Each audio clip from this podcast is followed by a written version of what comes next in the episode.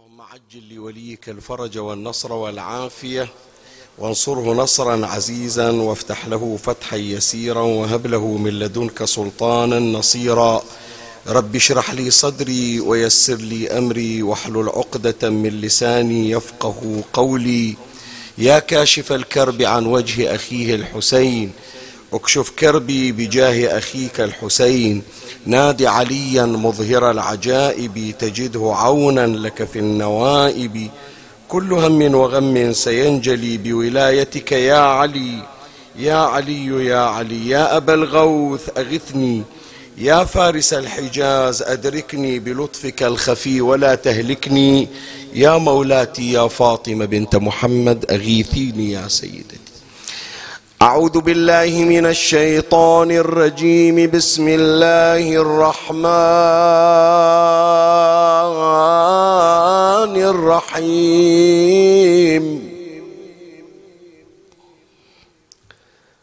وصل اللهم على سيدنا ونبينا محمد وآله الطاهرين.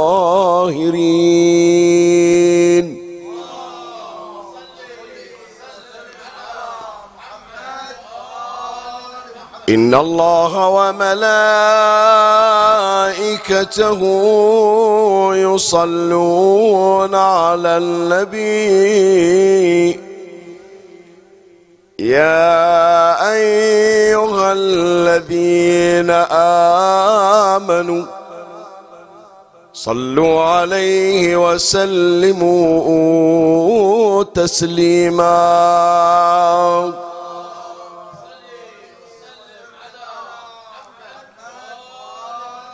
أدم الصلاة أدم الصلاة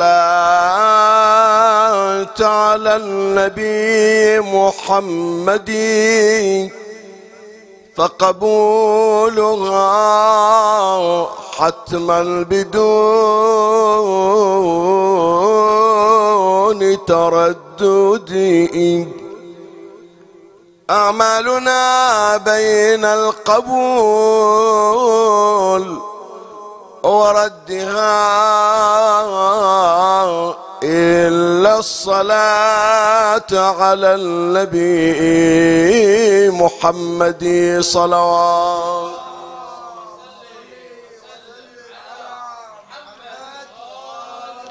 بنيتم بنيتم بنيتم بني الزهراء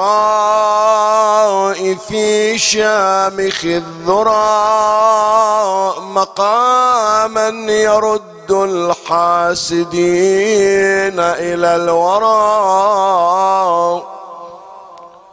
أناديكم صدقا وخاب من افترى بني أحمد يا خيرة الله في الورى. سلامي عليكم إن حضرنا وإن غبنا صلوات.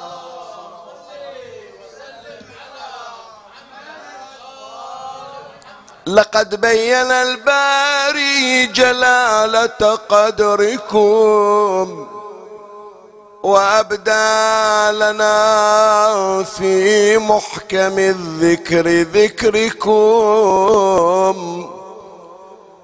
أمرتم فشرفنا بطاعة أمركم. طهرتم فطهرنا بفاضل طهركم وطبتم فمن آثار طيبكم طبنا صلوات.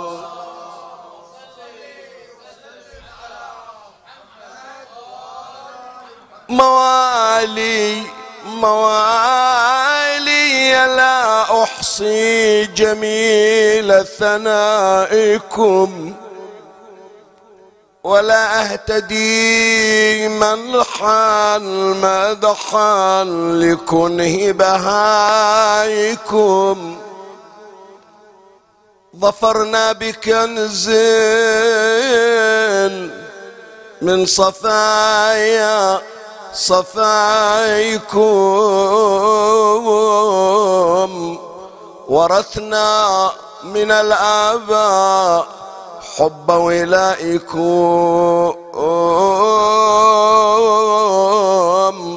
ونحن إذا متنا نورثه الأبناء صلوات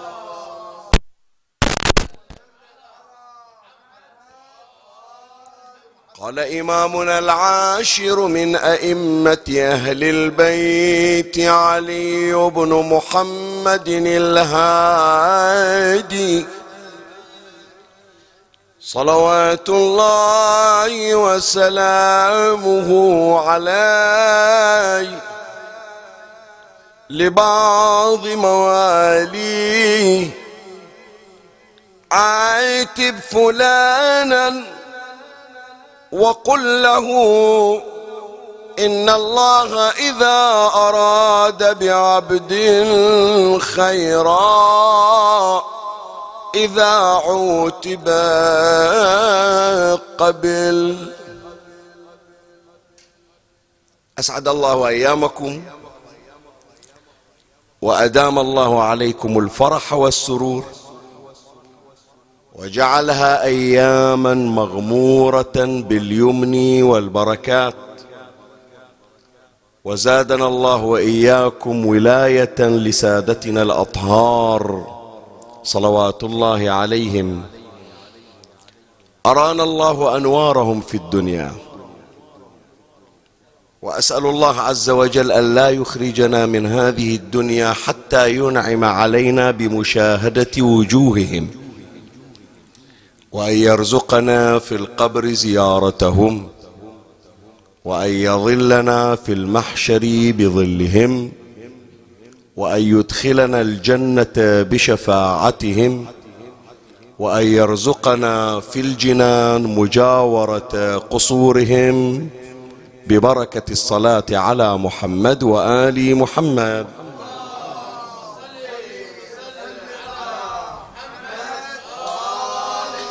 وبمناسبة مولد إمامنا العاشر علي بن محمد الهادي صلوات الله عليهما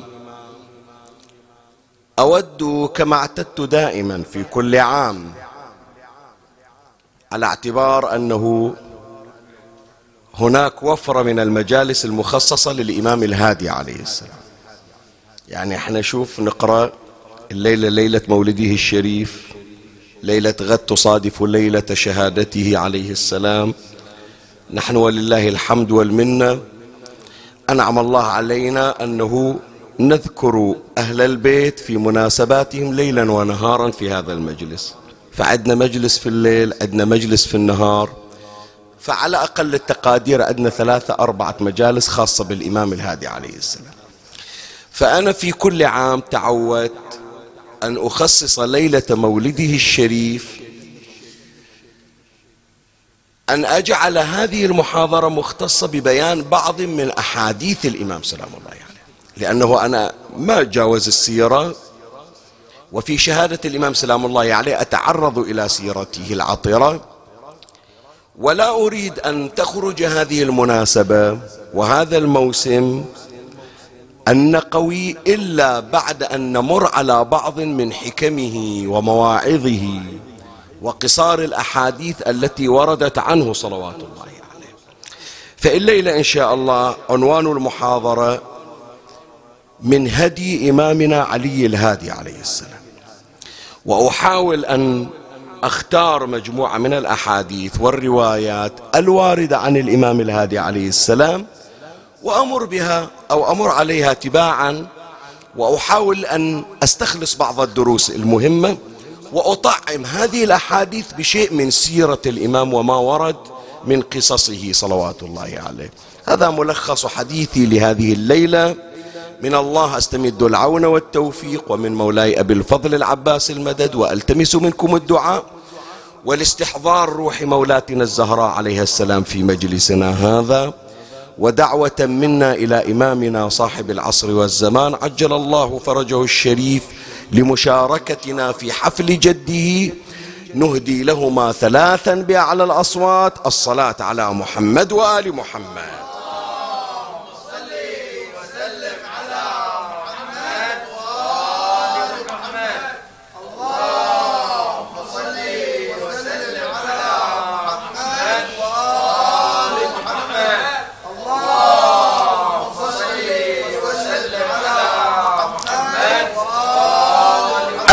الحديث الأول الوارد عن إمامنا الهادي عليه السلام ما صدرنا به هذا المجلس. الإمام سلام الله عليه يكلم أحد مواليه أحد أتباعه. وكأنما هذا التابع أو هذا الموالي عنده مشكلة ويا بعض من إخوانه. مشكلة بسيطة يعني مو مشكلة كلش كبيرة. فالإمام سلام الله عليه اقترح عليه أن يوجه عتاب إلى ذلك الشخص. بس قال له شيء وهو هذا اللي راح نتوقف عنده في أول الأحاديث التي نذكرها عن الإمام الهادي سلام الله عليه. يقول له عاتب فلانا يعني فلان اللي صار بينك وبينه سوء تفاهم وجه له عتاب عاتب فلانا وقل له إن الله إذا أراد بعبد خيرا إذا عوتب قبل شوية عند هالحديث بنتوقف في أمرين. لأن البعض يا إخواني يتصورون بأن المعاتبة غير مقبولة وغير جائزة. أكو بعض الأشخاص لما نتوجه له عتاب وهذا ترى في عموم العلاقات. الزوج حينما يعاتب الزوجة الزوجة حينما تعاتب الزوج الأب حينما يعاتب الولد شايف؟ الصديق حينما يعاتب الصديق. الزميل حينما يعاتب الزميل. أكو تصور يا إخواني بأن العتاب شيء مرفوض شيء مو مقبول. بعضهم بعضهم ما أدري يعني مر عليكم. لو أنا شخصيا مر علي. يجي هذا الشخص يتشكر يقول شيخ أنت تتصور فلان قاعد يعاتبني؟ زين وإذا عاتبك؟ وإذا وجه لك العتاب؟ بس خلي في بالك أنا الآن مو في صدد الكلام عن العتاب وعن أدب العتاب لا. العتاب من يجي ينبغي أن يكون بسلوك خاص. إي نعم واحدة من عدها أن يكون باعثه الشفقة والرحمة مو التشفي والتصيد. هي واحدة. الثاني من آدابه أن يحمل العتب الجميل. العتب الجميل شنو؟ يعني أن تختار أفضل الألفاظ أن تختار أفضل الأوقات. مو تجي إليه وبعدها مثل ما نقول الضربة حارة. وتصير أنت والزمن عليه. تختار الوقت المناسب تختار الأسلوب المناسب ثم لا تثقل في العتاب. أنت مو جاي تريد تتشفى من عنده تريد تريد توجه توجه إلى نصيحة. هذا اثنين من الآداب. الثالثة من الآداب أن تختار الموضع الملائم للعتاب. بينك وبينه بينك وبينه من حيث لا أحد يعلم. فلهذا ورد في الحديث من نصح أحدا سرا فقد زانه ومن نصحه جهرا فقد شانه. هي النصيحة خوش نصيحة لكن توقيتها لا توقيت مناسب. ولا مكان مكان ملائم. فعوض أنت ما تنفع سويت؟ ضريت. أنا من أجمل ما مر علي من المواقف يا إخواني صدقوني يعني أحكي وياكم. وأنا أقول هذه من نعم الله علي أن الله أعطاني من الأساتذة كهؤلاء. وأنا مو مجاز أنه أنا أذكر الأسماء بس من أساتذتي رضوان الله على الماضين منهم وأيد الله وأطال في عمر الباقين منهم. يوم من الأيام أحد أساتذتي على المنبر أخطأ في حادثة. هذا هو نفسه أستاذ ينقل القضية يقول أنا في أحد الأماكن على المنبر نقلت قضية والقضية مو إلى الإمام إلى إمام آخر بس نسبتها سهوا إلى إمام آخر. وما ملتفت وموجود في المجلس مجموعة من الخطباء ومن المشايخ ومن السادة المعممين. هذا هو صاحب القضية أستاذي ينقل القضية. يقول أنا ما ملتفت نزلت من على المنبر وشوف شلون الأدب اللي قاعدين ما واحد تطاول عليه وما واحد تهجم عليه وما واحد قلت العراقي يرزل بي يعني يكسر مجلسه ويكسره. هذا الأدب في العتاب والأدب في التوجيه. فيقول إحنا خلصنا من المجلس قعدنا عقب المنبر قعدنا نسولف بعدين طالعين سوية المشايخ. الخطيب اللي هو أستاذي وياه واحد أيضا من أساتذتي جزاه الله خير الجزاء. فيقول إحنا طلعنا من الحسينية ومتوجهين إلى مكان السكن. ونسولف ونضحك. أحد المشايخ اللي هو الأستاذ رقم اثنين حط إيده على الأستاذ رقم واحد إلا غلط على المنبر. يقول مسكني من إيدي من غير ما حد يلتفت. وقصر الخطى يعني كأنما المشية خففها شوية. حتى ذول اللي ويا يتجاوزون. شوف الأدب شلون. من غير ما حد يلتفت. يقول بيننا تقريبا ثلاث خطوات أربع خطوات. يقول بإذن سارني قال شيخنا القضية اللي جبتها إلى فلان إمام مو إلى فلان إمام. سمعت شيخنا السالفة كذا كذا ولا كأنما شيء صاير كلها الآن هذه سالفتنا كم استغرقت؟ ثانيتين صار لها ولا ثلاث؟ ثواني وصلت. أبدا. هذا العتب الجميل هذا التوجيه. باعد وخر بمقدار خطوات خطوتين ثلاث إلا وياه ما حد سمع.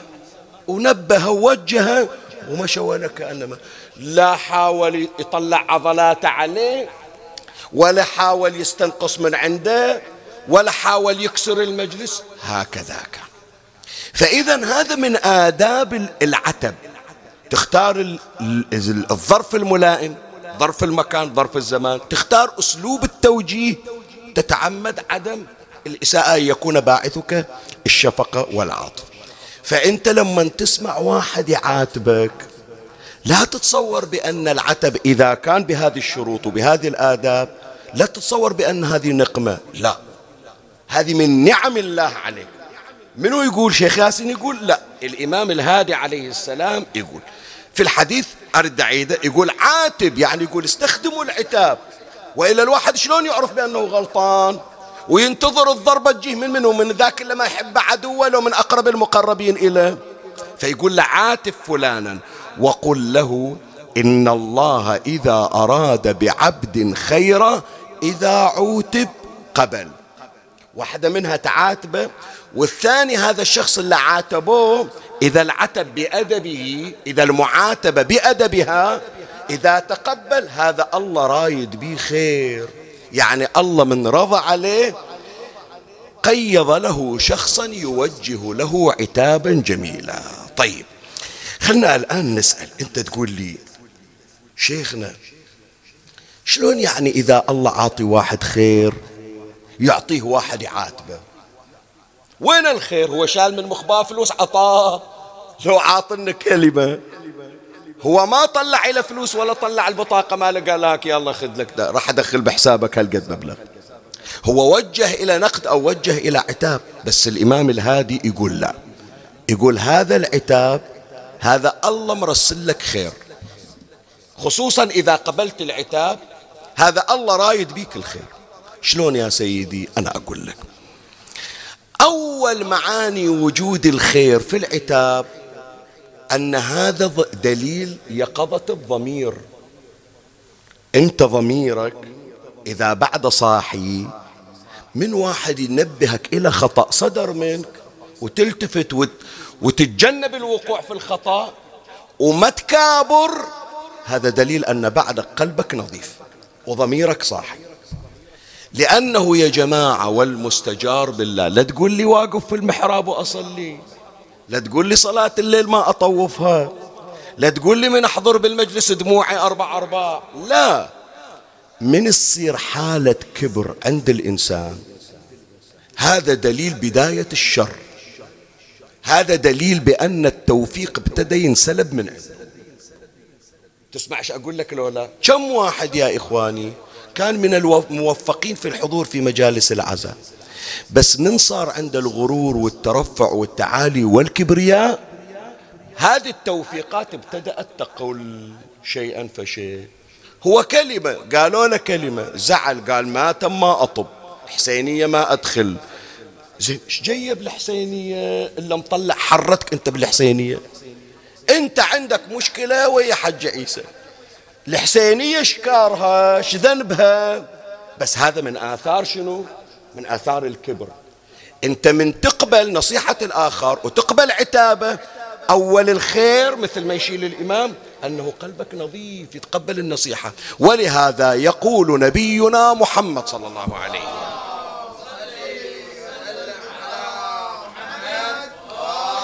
قال رسول الله صلى الله عليه وآله إياكم والكبر. فإن إبليس حمله الكبر على الا يسجد لآدم. لو ما كانت عند إبليس هذه الخصلة الشيطانية. إيه كان أول ما قال له إبليس ليش ما سجدت؟ اسجد. قال إن شاء الله يا رب الآن أسجد. ضل في الجنة. تمام لو لا؟ لو من أول ما الله قال له يا إبليس أكو الملائكة كلهم سجدوا. اسجد أنت لآدم. قال إن شاء الله حاضر بالخدمة. وسجد. كان لا صارت عليه اللعنة وإن كان يمكن إحنا نترحم على إبليس ونسلم عليه مثل ما نسلم على جبرائيل. لكن شوف الكبر إيش سوى؟ خلاه يكابر خلاه يعاند بل انفتحت له أبواب الرحمة ويطرد منها. بعض الروايات تشير إلى أنه لما نزل قوله تعالى وإن رحمتي وسعت كل شيء. إبليس وصل إلى الف... هو ذكي مو واحد عادي إبليس اللي تسمع عنه ذكي. ذكاء ذكاء عنده. وحده يقولون قال ها استفدنا. وإن رحمتي وسعت كل شيء. أنا شيء من الأشياء. فرحمة الله وسعتني. باكر إلي حجة على الله يا ربي غير قلت وإن رحمتي وسعت كل شيء. أنا شيء من الأشياء. فأنت تشملني رحمتك لكن لوجود الكبر ما يرضى ينكسر. ما يرضى ينزل خشمه فلهذا يا إخواني شوفوا إن شاء الله جايتنكم ليلة الجمعة وتقرون دعاكم. وحاولوا هالليالي هذه دائما حتى في غير ليلة الجمعة اقرأوا دعاكم. لأنه يرطب النفس يلين الروح. الروح الجافة اليابسة هذا دعاء كميل يأثر فيها. زين أمير المؤمنين في دعاء كميل شي يقول فلولا ما حكمت به من تعذيب جاحديك. وقضيت به من شنو؟ من إخلاد منه معانديك عندنا اثنين يا جماعة. عندنا اثنين حط بالك. قضيت لو فلولا ما حكمت به من تعذيب جاحديك. اللي حاكمين عليه الحكم في استئناف في تمييز في عادة نظر فلهذا أكو أناس يا إخواني الله حاكم عليهم بالنار لكن تأتيهم الرحمة وينقذهم الله تبارك وتعالى من الرحمة. عدل. لكن القسم الثاني القضاء القضاء لا يرد. قضاء الله لا يرد. وقضيت به من إخلاد. هذا مو تعذيب. التعذيب يرفع. إخلاد خلود ما يطلع. تدري ليش؟ وفكروا في الكلمة هذه يا إخوان. إحنا متعرضين إليها كإشارة بس فكر فيها. من حكوا أهل النار ويا مالك خازن النيران. يا مالك ليقضي علينا ربك. زين أنتم ملاعين الوالدين. إذا دعوتكم مستجابة وإذا مالك بيسمع لكم بدل ما تقولون ليقضي علينا ربك قول يا مالك ليرحمنا ربك تمام لو لا؟ انت اطلب من مالك غير دعوتك مستجابة. قول يا ربي أنا أريد من مالك يتوسل الك ويستشفع ويقبل شفاعتنا. ويطلعنا من النار ويدخلنا بالجنة. بدل ما تقضي علينا ارحمنا وطلعنا من. ما موفقين لطلب الرحمة. شوف العناد شو يسوي؟ وقضيت به من إخلادي معانديك. فالإمام الهادي عليه السلام لما يقول إذا أراد الله بعبد خيرا إذا عوتب قبل. لأنه هذا في خير أنه الحمد لله ما عنده صفة الشيطان. ما يكابر. واحد يقول له صلاتك م... روح تعلمني الصلاة. هاي كم مرة إحنا مرت علينا؟ هذا إحنا نشوفه في الإرشاد في الحج في الزيارة. وضوء غلط. قراءة غلط. صلاة مو لك نقر الغراب. حجي. عمرك الآن فوق السبعين وضوءك مو صحيح. روح. قاصر أنت تعلمني أمس ولمس أنا شيخ فلان مصلي إيش الفايدة مصلي ورا شيخ فلان ولا استفدت من عنده في الشيخ فلان؟ ده علمني أنت قول أنت صار لك خمسين سنة هذا أنت تصلي في الحضرة. وكيل المرجع اللي يصلي بيك. ما أنت راضي تتعلم؟ شنو الفايدة؟ يعني ما أبغى أجيب المثل على اي حال بس خلى شوية. ليلة مولد للطفل. بحارنا عندهم مثل. يقولون عندك يا حماري. أحسنت. هاكو ردوا عليه عندك يا حماري. تم فك الراس. بالله عليك. أعز الله السامعين والمكان. أنتم شايفين الحمار؟ راسه كبر؟ راس الحمار كبر؟ حط له تمرتين في هالقلاص الصغير يقدر الحمار يدخل راسه فيه. شو الفائده خلي يحط الكراس قدامه والتبر فيه وين بيستفيد من عنده؟ فواحدة يا إخواني من الخير الذي يرسله الله إلى العبد أنه علامة عدم وجود الكبرياء والتعالي والعناد والإصرار على الخطأ. إذا واحد وجه له عتاب يقبل العتاب ويصحح خطأه. فهي واحدة من مما أشار إليه الإمام الهادي. الثانية إخواني شلون هذا الإنسان اللي الله من من واحد يجي عاتبه قبل هذا الله مرسل له خير. تدري أنا لما الآن هذا مجلسنا. لما أبو المجلس الله يطول في عمره ويعطي الصحة والعافية أبو عيسى من يشوف من عندي أنا غلط يقول لي يا ولدي ترى هذا اللي سويته غلط. هذا دليل شفقة لو لا؟ زين. هذا أخوي لما من يشوف من عندي غلط أول ما يشوف الغلط قبل حتى لو ما التفت إليه. دير بالك شيخ ياسين. احذر.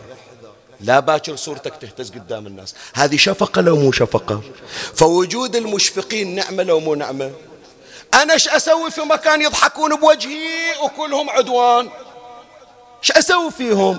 ليش بالأمثال يا إخواني عندنا يقولون رحم الله عدو بكاني أحسنت ولا صديق يضحك علي. صديقي وقاعد وياي واكو يسمعوا الناس يحجون علي ويتكلمون علي وما يجي ينبهني. وأخاف أنه هو اللي ينقل لهم بعد. هو اللي يصير أداة للنشر. لا هذا حتى لو هو عدو ويقول فلان شوف صح أنا مختلف وياك لكن ما أرضاها واحد غيرنا يجي يتكلم عليك. دير بالك تصرفك مو سليم. هذا من الخير يا إخواني أن الله ساق لك المشفقين. إلا عنده شفقة يعني عنده شنو؟ رحمة. النبي جاي شفقة لو مو شفقة؟ رحمة لو مو رحمة. وما أرسلناك إلا رحمة للعالمين. صلوا عليه بأعلى أصواتكم.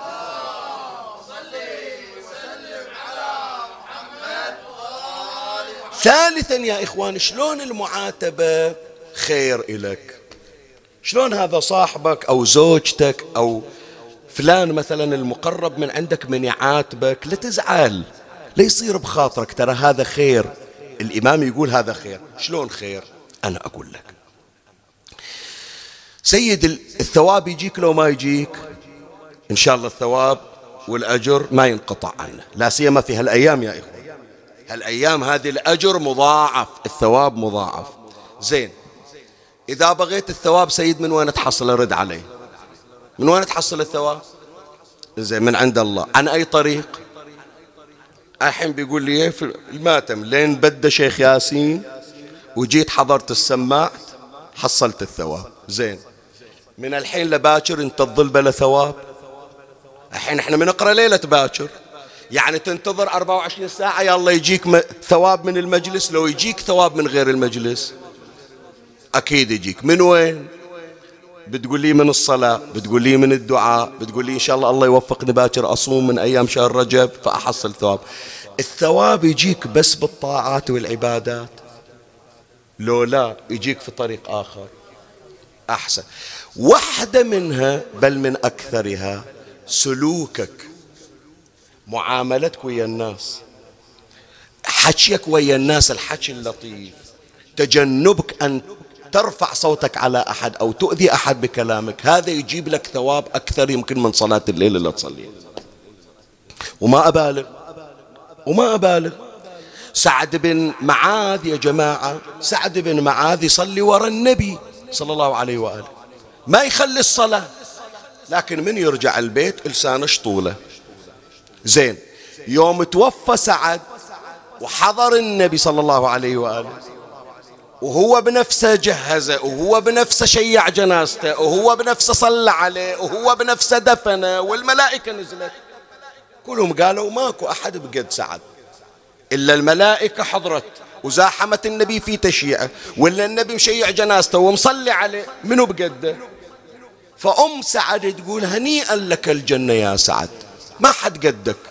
صلاتك يعني هذا حصلت من وراها أجر وثواب لا يعادله. أجر ولا ثواب.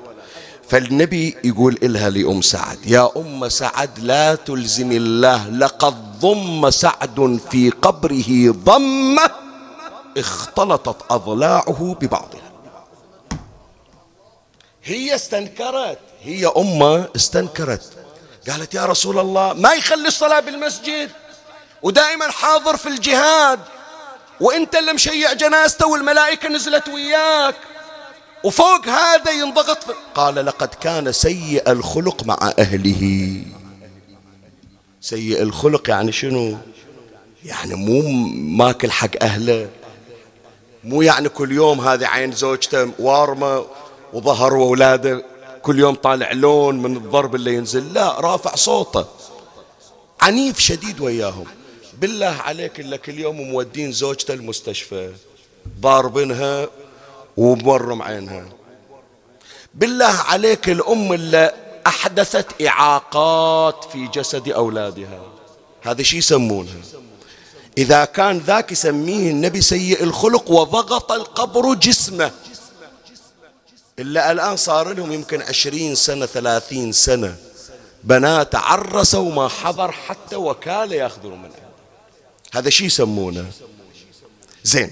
فيا إخواني واحدة من طرق تحصيل الأجر والثواب شنو؟ سلوكك ويا الناس. ليش إحنا نقول الدين المعاملة؟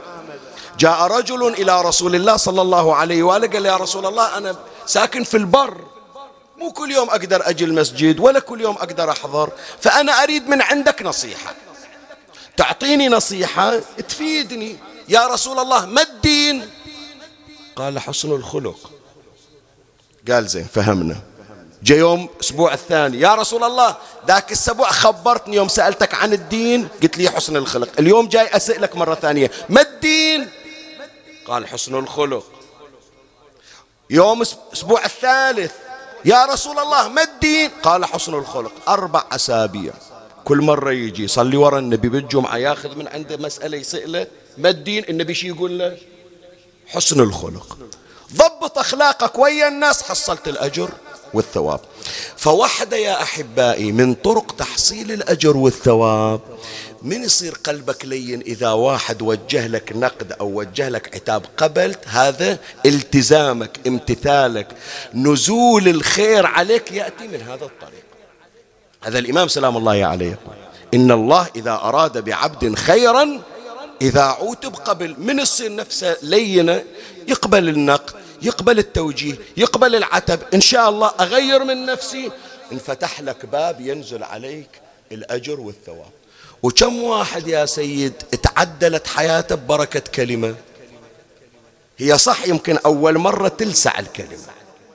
لكن مثل لسعة الأبر. الأبر من يعطون واحد التطعيم. توجع في البداية لو لا؟ لكن تكفيه الفيروسات والأمراض لو ما تكفيه ويمكن تنقذ حياته الإبرة هذه. تمام لولا كذلك هو العتب. ولهذا أنقل لك هذه القصة صل على محمد وآل محمد.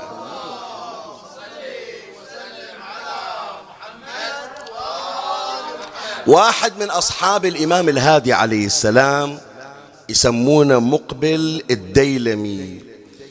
قاعد ينتظر الإمام الهادي عند بيته. وإجا واحد يسمونه فتح القلانسي. احفظ الاسم فتح القلانسي. قلانس شنو؟ إحنا بالخليج نسميها قحفية. هذه الطاقية على الرأس باللغة العربية يسمونها شنو؟ قلونسوة هذا كأنما مثل ما نقول إحنا بالبحرين يسوي قحافي العرقشينات زين؟ يدور قطع قماش ويخيطها قحافي طاقيات ويبيعهم. فجاي بيت الإمام الهادي عليه السلام وقاعد ينتظر الإمام الإمام الهادي بعد ما وصل. هذا صاحب الإمام اللي اسمه مقبل مقبل الديلمي. قال له ها اليوم جاي؟ قال إي والله أنا أطالب الإمام فلوس مسوي له كم شغلة والإمام عليه إلي أربعمائة درهم. فأنا جاي أطلب الأربعمائة درهم أخذها من عند الإمام الهادي عليه السلام.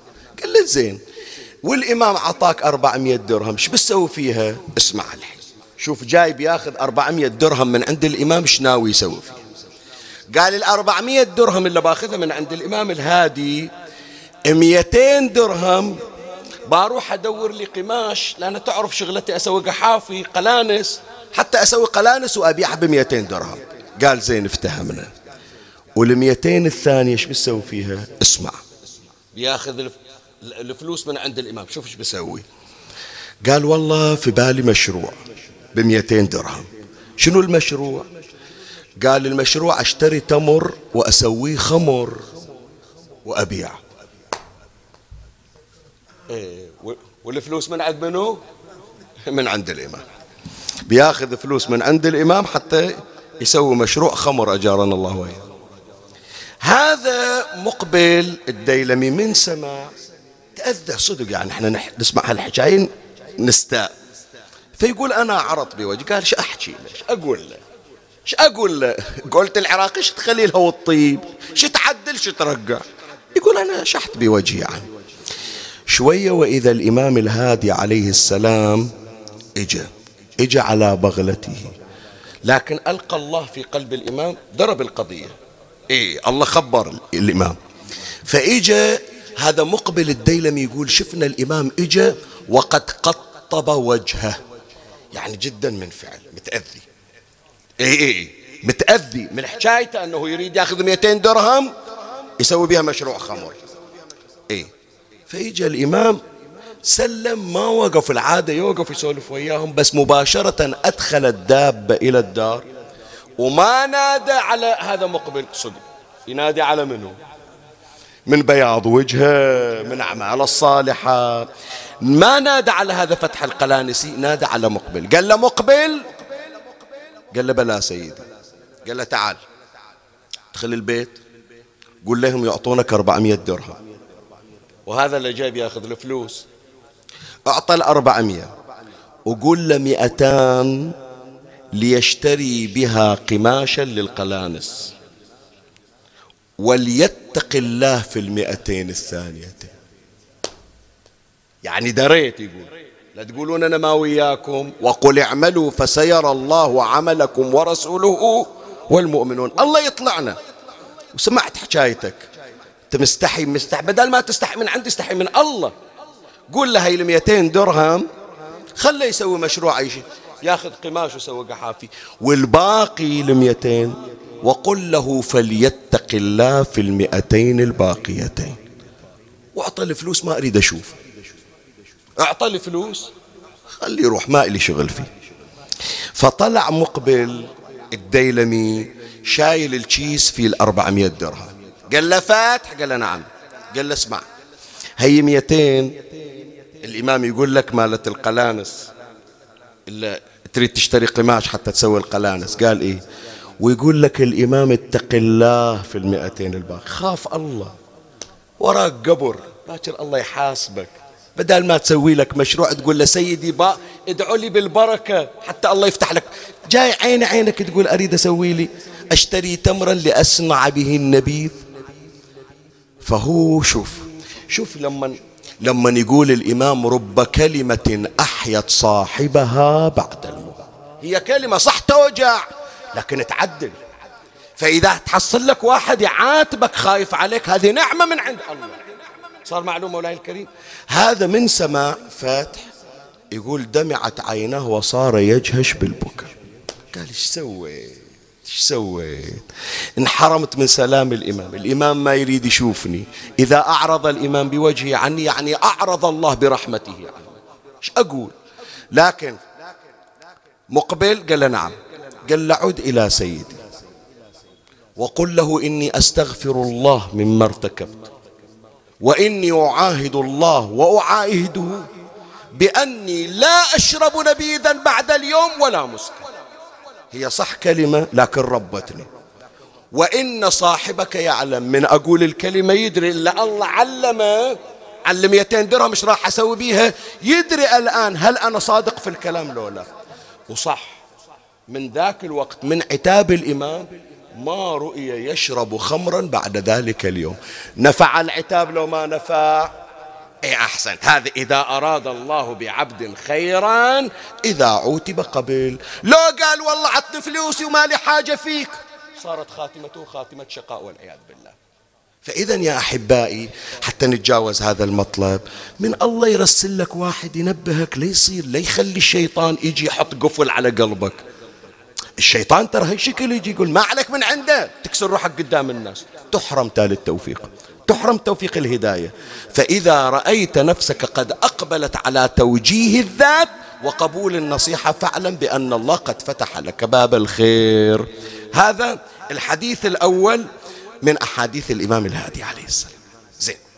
الحديث الثاني عن الإمام الهادي كلها من هدي الإمام الهادي. الليلة في ليلة مولده الشريف. إحنا ما نطلع عن أحاديث الإمام سلام الله الحديث الآخر عن الإمام الهادي صلوات الله عليه قال إن لله بقاعا يحب أن يدعى فيها فيستجيب لمن دعاه والحير يعني الحائر الحسيني والحير منها. أصل هذا الحديث يا أحبائي أحصل هذا الحديث يقولون يوم من الأيام واحد جاي يسلم على الإمام الهادي يقول له سيدي ترى أسلم عليك باكر أنا متوجه إلى كربلاء. نزور جدك الحسين رزقنا الله وإياكم. يا الله يا الله دخيل سيدي. يفتح لنا باب الطريق للزيارة يا حج إن شاء الله. إيه إن شاء الله المجلس هناك بين الحرمين بين حسين وعباس. إن شاء الله في القريب العاجل. ادعوا الله ولتعجيل فتح الزيارة ورفع البلاء الصلوات بأعلى الأصوات.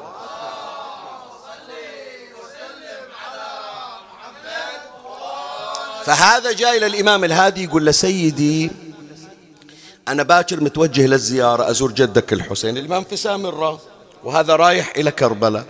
فيقول له سيدي جاي أطلب براءة الذمة في أمان الله الإمام وصى. قال له من توصل؟ عند قبر جدي عندي حاجة. ادعوا لي عند قبر جدي الحسين. هذا ما قدر يحكي بس صار في خاطر زين إمام معصوم. إحنا إذا عندنا حوايج نروح إلك. نيجي إلك ونسألك. الآن أنت تقول تطلب من عندي الدعاء. وين؟ عند قبر جدك. فالإمام سلام الله عليه قال إن لله بقاعا يحب أن يدعى فيها فيستجيب وإن الحائر أو الحير منها. وهذا يا إخواني حطوا بالكم. شوف إيش أقول لك الآن حتى تعرف. كأنما في زيارة المشاهد المشرفة في صورتين. حط بالك للكلمة سيدنا. زين أول صورة أن نحن كلنا نتجمع في مكان واحد. يعني خلنا نقول مثلا ليلة الجمعة ماكو شيعي في العالم إلا يتمركز. في وين؟ قبر الحسين. فلا تحصل شيعي في المدينة ولا تحصل شيعي في مكة ولا تحصل شيعي في مشهد ولا تحصل شيعي في النجف ولا تحصل لك شيعي في ماتم ولا تحصل. وين؟ قال متجمعين كلهم عند الحسين مثلا. هي صورة أولية. الصورة الثانية اللي يشير إلى الإمام الهادي عليه السلام يقول لا يقول ما أريد مجرد تمركز وإنما أريد توزع.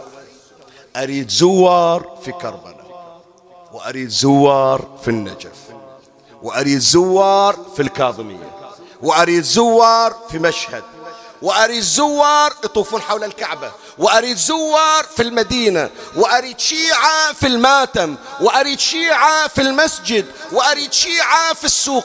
ولا يخلو مكان من ذكر الله والصلاة على محمد وآل محمد.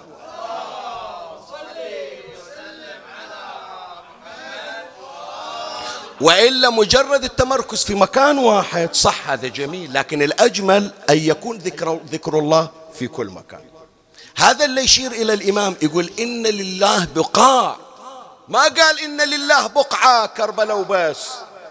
ما قال النجف وبس ما قال الكعبة وبس لا. بقاع والبقاع يا أحبائي تارة مشهد قبة ذهبية وإمام مدفون أو نبي مدفون. وتارة البقعة لا. إحنا نشوفها هي بر لكن هذا البر فيه خير. توقف تصلي فيه تحصل حاجتك فيه. انت على بالك بأنه الخير وقضاء الحاجة ما يصير إلا ليلة القدر. تنزل الملائكة والروح فيها على بالك الخير ما يصير إلا النص من شعبان الخير ما يصير إلا ليلة الجمعة. لا. قد ساعة من ساعات الضحى وفي موجودة فيها حاجة تحصلها وتنقضي حاجتك. تدري لو لا؟ فلهذا ورد عن النبي صلى الله عليه وآله قال إن لربكم في أيام دهركم نفحات فتعرضوا لها. كل أيام السنة. شوف الروزنامة التقويم من واحد يناير إلى واحد وثلاثين ديسمبر. قد يوم مو خاطر في بالك لا في يوم مناسبة لا في يوم وفاة لا هو يوم خاص زيارة. لكن هاليوم تتوجه إلى الله بقلب منفتح تحصل حاجتك أكثر من أي يوم آخر. فيا أحبائي صح أنت قلبك يتعشق أن تكون من زوار كربلاء من زوار الرضا من زوار من زوار. كل مكان اطرق الباب. كل مكان. هذه دعوة الإمام لها. خلي أذكر لك قضية من أغرب القضايا التي مرت علي. يعني شوف إيش قد أنا مرت علي شواهد وقضايا. هذه من أغربها. أول ما زالوا الدواعش أزال الله جميع الدواعش إن شاء الله. وانفتح الطريق إلى سامرة. إحنا كنا طالعين إلى الزيارة الأربعينية قبل موعد الأربعين. يعني ذاك الوقت ما أدري بعد اثنين صفر تقريبا سبعة صفر اثنين صفر سبعة صفر بهالمقدار يعني هم باقي تقريبا أسبوعين ثلاثة أسابيع على الزيارة.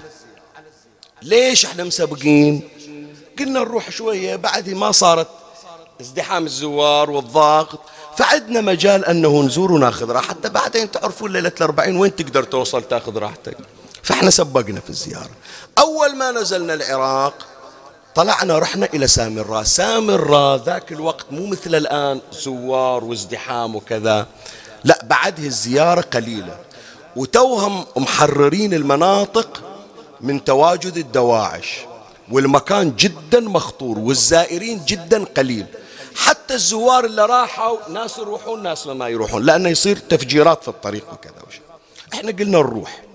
فإجينا أتذكر مجموعة من الإخوة وأنا كنت وياهم. ما إجينا سامرة خلية ما فيها زوار. اثنين ثلاثة اثنين ثلاثة مو أكثر. إجينا عمي وإذا واحد إيراني اسمع شو أقول لك. واحد إيراني حاط له طاولة ومخلي غوريين شاي. غوري أتذكر شاي آه، نظام إيراني وشاي نظام عراقي سنقين يعني. وحاط إيده على خده. من شافنا إحنا ما ماكو أحد الطريق خالي. من شافنا أهلا زوار تفضلوا زوار تفضلوا زوار. بيفر ما بيفر. زين ماكو أحد غير إيراني. شو مجيب لنا وفي خوف. وهذا ناصب يعني مو جاي زاير. لا فاتح مضيف. هذا الكلام متى؟ بداية صفر. فإحنا ابتدأنا وياه الكلام. شوف اسمع أقول لك. فنسولف وياه نقول له أنت شنو مقيم؟ قال إيه مقيم في سامرة. شو تسوي قال أضيف الزوار. الضيف الزوار. من متى؟ من أول صفر؟ قال لا اسمع. من متى؟ قال من تسعة تسعة ذو الحجة من يوم عرفة. يعني احسب وياي. ذو الحجة ومحرم وصفر ثلاثة أشهر صار. يقولوا أنا في سامرة. ما أرجع لا كربلاء لا النجف إجيت أخذت سلمت على الحسين ومن تسعة عرفة أنا مقيم في سامرة ماكو أحد وياه. يجي الليل ما عندي أحد. ظلمة. قلت له إلى متى؟ قال شيخنا إلى وفاة الإمام العسكري. قاعد بروحه في سامراء في زمن الخوف زمن الدواعش. احسب وياي. عرفة محرم صفر ربيع الأول أربعة أشهر. وبروحه قاعد في سامراء في زمن الخوف. قلت له زين انت جابر انك؟ قال إحنا أول ما سمعنا بأن طريق سامران فتح والزوار خايفين. قلنا حرام واحد يتعنى للإمام الهادي ما عنده أحد يصب له استكانة شاي قلنا إحنا بنفسنا نطلع ونجي حتى لا يجي زاير للإمام الهادي ما عنده أحد يصب له قطرة ماي أو يقدم له استكانة قلت له خطر تقتل؟ قال خلينا أقتل. يعني بس الحسين عنده مضايف والهادي ما عنده مضايف. شوف شلون. بس الحسين عنده مضايف في الطريق من البصرة إلى كربلاء. حياك جاي أبو السجاد جاي أبو السجاد. والهادي ما عنده أحد. أنا جاي متعني على حساب الهادي. قلت له زين وزيارتك؟ قال إلي زيارتين. في هالأربعة أشهر إلي زيارتين. أول يوم نزلت العراق سلمت على الحسين قلت له سيدي سامحني رايح لولدك علي الهادي وقاعد هناك أضيف زواره حتى لو ما يجي له لو ما في هالأربعة أشهر لو استكانة واحدة بس لا واحد يجي يقول الهادي ما عنده مضيف. قلت له حجي. قال بلي قلت له وين أكو مثلك؟ ما أظن الدنيا فيها مثلك. قال منو؟ قال قال ترى أنا ويا أخوي؟ يقول أنا عند عند الهادي وأخوي عند أولاد مسلم في المسيب لأن بعد ما عندهم أحد ضيف. اثنين شوف عمي شلون. هذا اللي رأى في سامراء كربلاء الحسين. شو تقول؟ هذا ينظره الحسين حجي لو ما ينظره؟ بشرفك رد علي. يعطيه الحسين نظرة لو ما يعطي نظرة. إلا عندها اليقين وعندها التضحية وعندها الفداء وعندها الباذل. فأنت شوف لا تخلي تتصور بأن رحمة الله عز وجل محصورة في مكان أو في وقت. نعم هناك أبواب أوسع. أوسع الأبواب حسين عليه السلام. تمام؟ هناك أوقات أبوابها أوسع مثل ليلة القدر النصف من شعبان عاشر محرم الغدير. لكن في كل لحظة من اللحظات وفي كل بقعة من البقاع هناك باب من أبواب الرحمة مفتوح. يصير وقت الصلاة وانت بالسيارة لا تقول لا شيخنا أنا اللي واقف في طريق. هالطريق هذا سوى محراب. هالطريق سوى محراب. الله يرحمه أستاذي شيخ أحمد مال الله رحمة الله عليه. التربة دائما عنده في البيت مال السيارة والسجادة ومخليله غرشة ماي بالصندوق. صار وقت الصلاة يقول ما أضيع دقيقة واحدة من أوقات الصلاة. هكذا تكون. فهذا واحد من أحاديث الإمام سلام الله عليه. خلي أختم بعد هالمقدار سامحني يعني أكثر من هذا. يعني كنت أنا أتمنى أنه أطول أكثر وأكثر لكن بعد على أي حال ضاق علي المقام. خلي أختم آخر شيء بهذا الحديث. الإمام سلام الله عليه يقول من هانت عليه نفسه فلا تأمن شره. حديث الإمام الهادي عليه السلام اسمع احفظ الحديث الآن بين من هانت عليه نفسه فلا تأمن شره. أنا الآن أبين لك من عيوني سيء شوف إلا مستعد يضحي بنفسه ويا الله. شلون يعني؟ يعني يصير وقت الصلاة يا معود قوم نصلي. يلا نصلي. هو اللي مو هامتنا نفسه. يهمك يهم أنت؟ سؤال أسأل. إلا هو مو مبالي بنفسه يهتم على حسابك؟ إذا هو مستعد يودي نفسه جهنم يصير سبب يوديك للجنة لو يوديك وياه لجهنم. فلهذا شوفوا يا إخواني ليش دائما إحنا في علاقاتنا ندور المتدين ندور المتقي؟ في, في أحاديث الزواج إذا جاءكم من ترضون شنو؟ حسابه سيارته آخر موديل.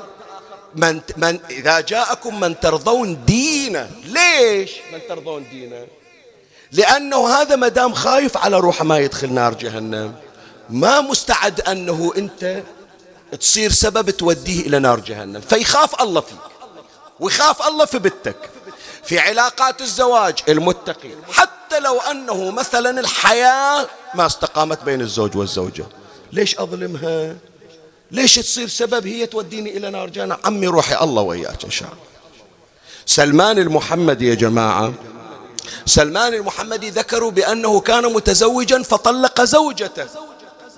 يوم من الأيام بعض من الفضوليين قال له يا سلمان طلقت زوجتك؟ قال إيه؟ قال ما رأيت فيها حتى تطلقها. شايف فيها من عيب؟ ما مريحتنك بشنو قال يا سبحان الله ما كان يحل لي أن أهتك سترها وهي في حبال. يوم أنا زوجها وإلي ولاية عليه ما يجوز أهتك سترها. أفأهتك سترها لما بانت عني؟ شوف اللي يخاف من الله شلون. مو اليوم عم تحصل لك بعض الأشخاص. حاسب نفسه من المتدين اختلف وياه على خمسمية فلس. اختلف وياه على دينار شوف شو يسوي. صدق يا جماعة لولا اختلف ويا زوجته زين انت واحد ربيب الحسينيات ربيب المساجد ربيب زيارة الحسين انت ما تخلي الأربعينية. المفروض هذه المواطن تكون مؤثرة فيك. تخاف الله. ما يخالف غلط عليك. اشتكي أمرك إلى الله عز وجل. بس لا يخلي هذا هذا الغلط يصير سبب يوديك إلى نار جهنم. والله لا أفض حج والله لا أهتك سترج والله الصور اللي عندي لا أنشرها في الإنترنت الكل يشوفك. والله ولا تتزوجين عقب. على شنو عاد؟ زين ما اتفق ويا زوجته طلقها يجون إخوانها. والله لنحطه تحت السيارة وندوسه. شو هالتصرف هذا؟ شنو إحنا وحوش؟ بالله عليك شنو مربينا الحسين؟ لو مربينا أبو بكر البغدادي أريد أفهم أنا. منو اللي مربينا؟ فشوف الشخص اللي هانت عليه نفسه الإمام يقول لا تأمن شره. لا تشوفه يضحك وياك. هذا إذا مو خايف من الله هو يشوف نفسه بيوديك بروح النار. هذا باكر بيخاف عليك خليه يخاف على روحه أول. تمام لو لا؟ فلهذا شوف أهل البيت هكذا يتعاملون. يوم من الأيام هذه خلاص بعد مسك الختام انهينا مجلسنا إحنا بس انتهينا. أذكر بس هالقضية وأختم مجلسنا. صارت ساعة الآن من قرينا مولاي الكريم اسمعني وفرغ لي قلبك واعرني سمعك وأقبل علي بكلك واهد لإمامك في هذه الليلة. الصلاة على محمد وآل محمد.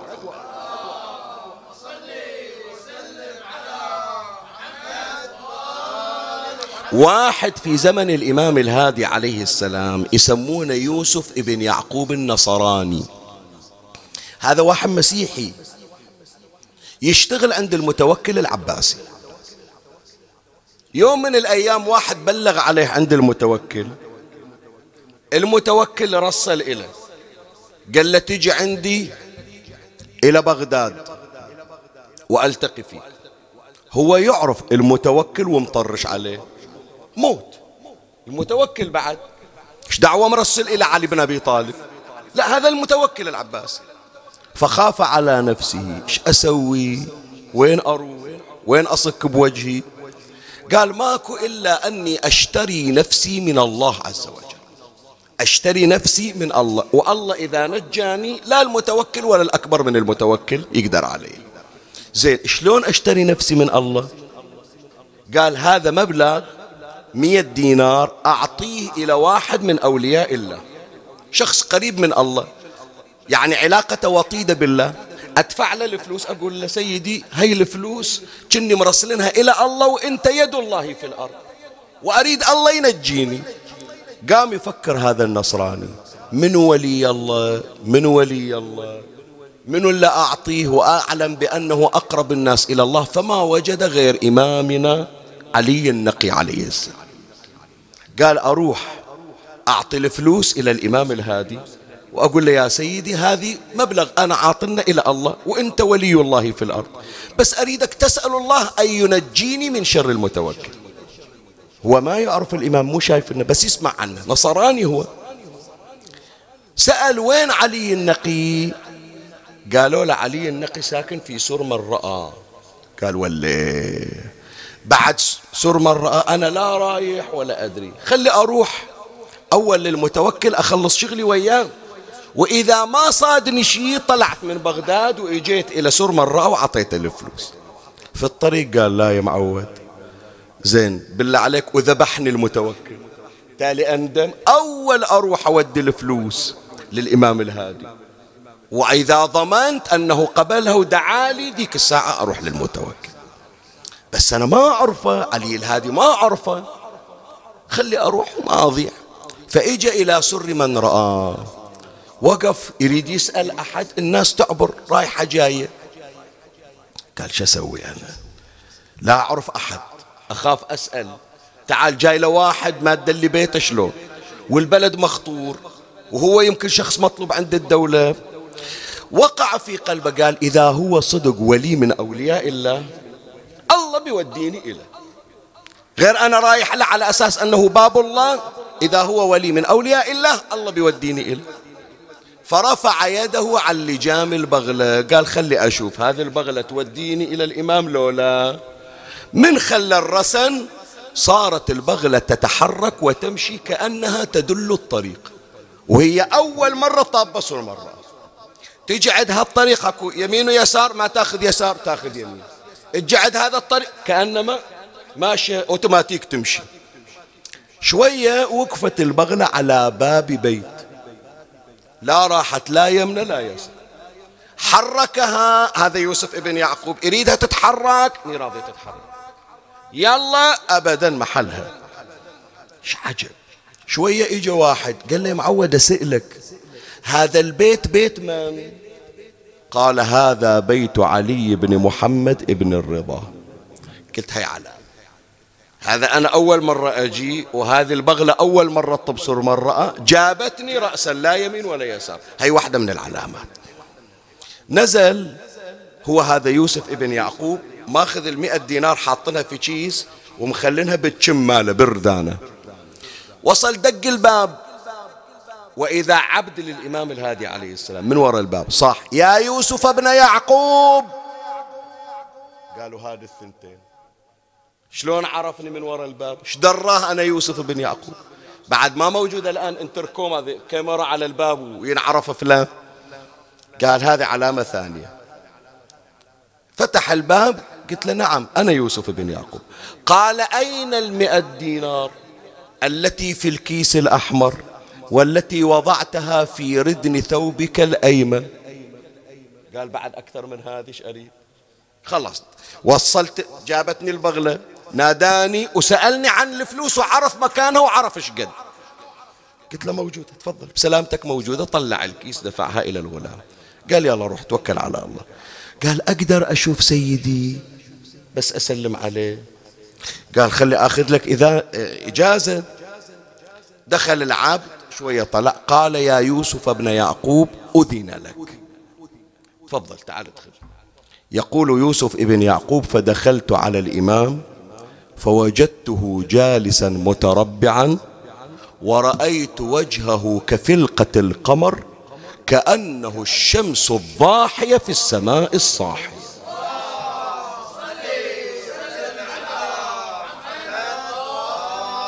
أول ما شافني الإمام الهادي قال لي يا ابن يعقوب أما آن لك؟ يعني شو تريد بعد أكثر؟ شو تريد أكثر بعد؟ زين ما دام عرفت إحنا أولياء الله ما بتسلم ما بتدخل في الدين. هو إيش قام يسوي؟ قام يحك لحيته. قال إن شاء الله إن شاء الله سيدي راح أسلم أنا. بس أنت طلعني من عند المتوكل من أخلص من عند المتوكل. راح أجيك إلى سور مرة أو أعلن إسلامي قال إنك لن تسلم. ما يفيدك. هذا إحنا اللي نحكي عنه. ما يفيد. لو تريد تسلم إيش جابر لنا بناخذ منك فلوس بنقطع من عندك نتفة لحم قال له لا بس اخلص راح. قال إنك لن تسلم. إي نعم. وقد أنبأني ربي بأنه سيخرج من صلبك ولد يكون من خلص شيعتنا أهل البيت. أنت ما راح تسلم. بس واحد من أولادك الله راح يوفقه للإسلام ويصير من خلص شيعتنا. قال له سيدي قال أبدا خلاص روح الله وين. قال زين سيدي والآن أنا ما أسلمت وأنا متعني إليك والمتوكل يهددني. قال امضي إليه. واعلم بأن الله سيسلمك وينجيك ولن يمد يده إليك بسوء. روح في ضمانتي. الليلة حطوا أنفسكم في ضمانة علي الهادي. أي أيوة والله. طلبوا حوائجكم. والعنده شدة والعنده مشكلة الليلة على فراشه وعلى صماطة. وتبشرونا إن شاء الله ترى ما يقصر صدق يعني. واسمع هاي الكلمة خلاص مسك الختام حتى أحط لك نقطة آخر السطر وأختم المجلس. قال روح وما يوصل إلك وأنا الضامن وأنا الكافل قام يريد يطلع وإذا الإمام الهادي يلتفت إليه. قال يا يوسف ابن يعقوب. قلت له لبيك سيدي. قال كذب من زعم بأن ولايتنا لا تنفعكم. لا تقول قلت والله أنا مو وياهم مو مسلم يعني ما نستفيد ما نحصل من عندهم فائدة إن ولايتنا تنفعكم ورب الكعبة. وروح. وراح يوسف ابن يعقوب ودخل على المتوكل وكأن الله قد نزع الغلظة من قلبه وجعل محلها الرحمة فكافأه وجازه. ومثل ما قال الإمام ما أسلم. ما أسلم. قال شو أسوي؟ ما أنا موفق. لكن يقولون خرج من صلبه ولد صار من خلص شيعة أهل البيت وكان إذا لقيه أحد قال أنا بشارة مولاي علي بن محمد. الهادي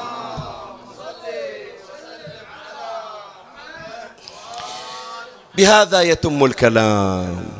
أسأل الله تبارك وتعالى أن يجعلنا وإياكم من خلص شيعته وأن يرزقنا منه نظرة لا نشقى بعدها أبدا. والله إلي خاطر يا جماعة الله يعطينا هالقعدة وهالمجلس حتى لو ويانا عبر البث نتجمع كلنا في سرداب الغيبة عند الإمام صاحب الزمان.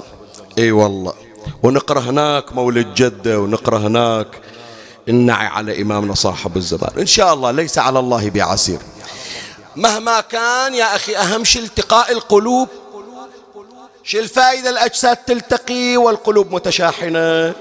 لا إذا التقت القلوب سهل الله للأجساد أن تلتقي. إن شاء الله لقاؤنا في القريب العاجل. أحبائنا في العراق تسمعونا كل مرة تشرفونا أنتم بدعاكم ادعوا لنا عد سادتنا. وإحنا ما ننساكم ونسأل الله تبارك وتعالى لنا ولكم قضاء الحوائج وأن يكون عتق رقابنا من النار ببركة الإمام سلام الله عليه. الآن نقرأ المولد الشريف. نريد شوية صلوات اللي تفرح قلب الزهرة. ونريد صوت وإن كان الحضور الحضور ليس بالعدد وإنما بالقلوب وبالتوجه. وأنا أدعوكم يا إخواني حتى أنتم اللي في البيوت لا تقولون إحنا بس نسمع لا. خلوا بيتكم حسينيات حتى الزهرة تطلع من عندنا وتسير عليكم إن شاء الله. وتبشرونا بقضاء الحوائج صلوا على محمد وآل محمد.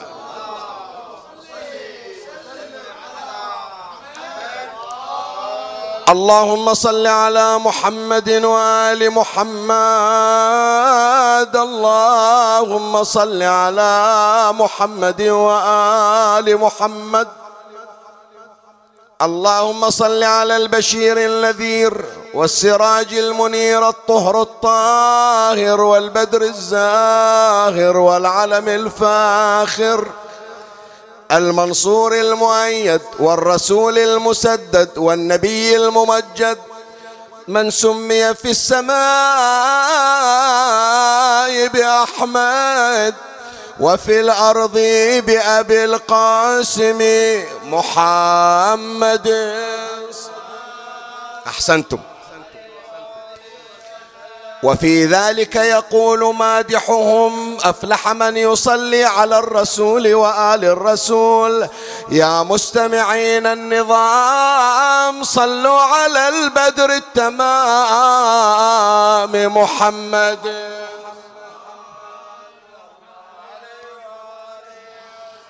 اللهم صل على محمد وآل محمد. اللهم صل على محمد وآل محمد. إلهي بالميامين هداتي من بني هاشم.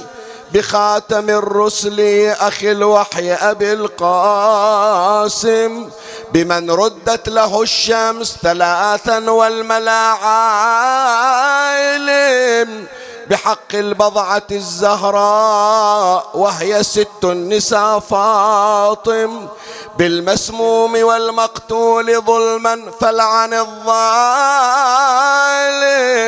بالسجاد والباقر والصادق والكاظم بالمدفون في طوس علي وابنه العالم بحق العسكريين مع المنتظر القائم. أجرنا من لظى النيران يا رحمن. يا رحيم أجرنا من لظى النيران بل من شرها الحاطم أفضل الصلاة.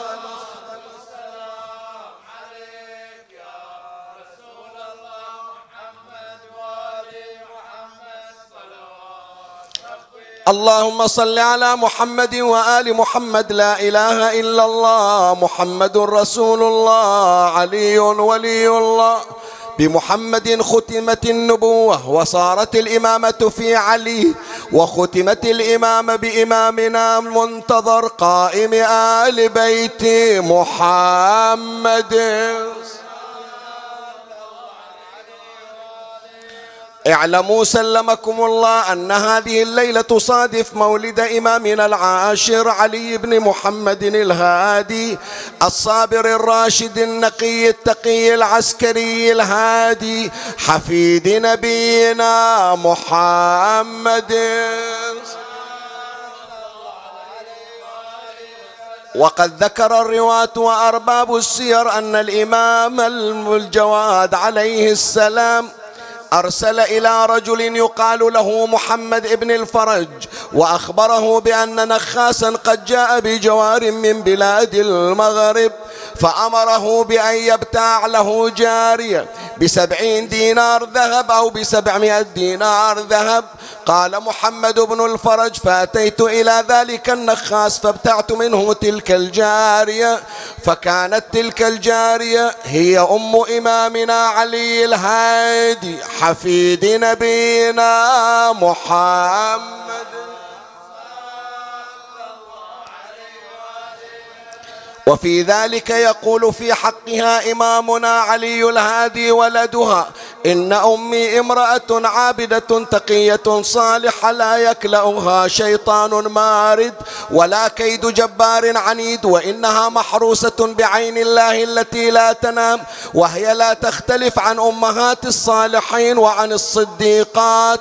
وفي ذلك يقول أفلح من يصلي على الرسول وآل الرسول يا مستمعين النظام صلوا على البدر التمام محمد. مطهرون لقيات ثيابهم. تجري الصلاة عليهم أينما ذكروا من لم يكن علويا حين تنسبه. فما له في قديم الدهر مفتخر. والله لما برا خلقا فأتقنه. صفاكم واصطفاكم أيها البشر. فأنتم الملأ الأعلى وعندكم علم الكتاب وما جاءت به السور أفضل الصلاة. ارفع صوتك شوية.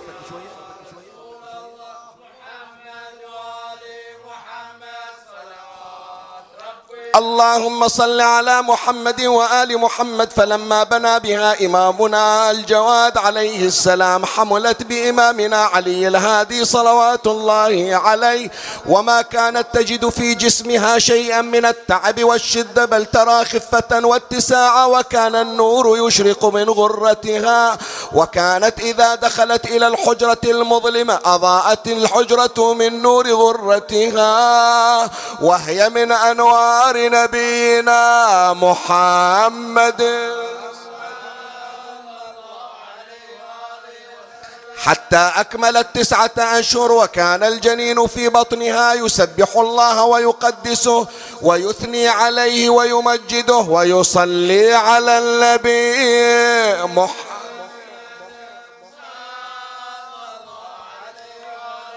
حتى إذا أراد الله تبارك وتعالى أن يشرف الكون بقدوم إمامنا الهادي عليه السلام أمر الله الملائكة بأن تهبط إلى الأرض فأشرفت على بيت إمامنا الجواد بالتسبيح والتقديس وعم السرور في المشارق والمغارب لفرحة وسرور دخلت بيت علي بن أبي طالب وكانت سيدتنا أم إمامنا علي بن محمد الهادي وهي السيدة سمان المغربية. نائمة على فراشها مضطجعة لا تحس بتعب ولا وجع وكان من حولها نساء من بني هاشم ولما جاءت ساعة الميلاد المقدس ولدت بالإمام الهادي. أفضل الصلاة.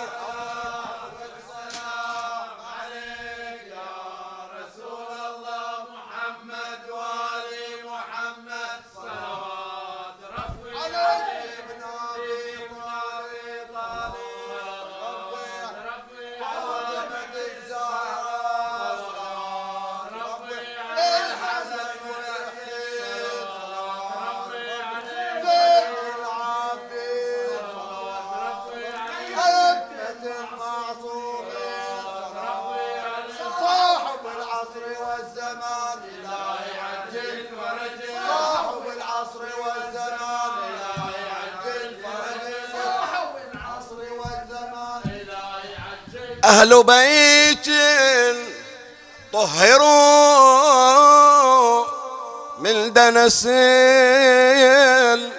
ولهم في الحشر اسم الدرجات.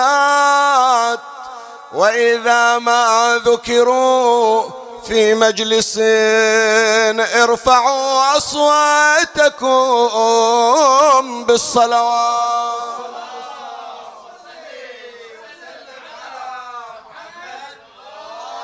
فخر إمامنا الهادي عليه السلام إلى الأرض ساجدا رافعا سبابته نحو السماء طاهرا مختونا مباركا.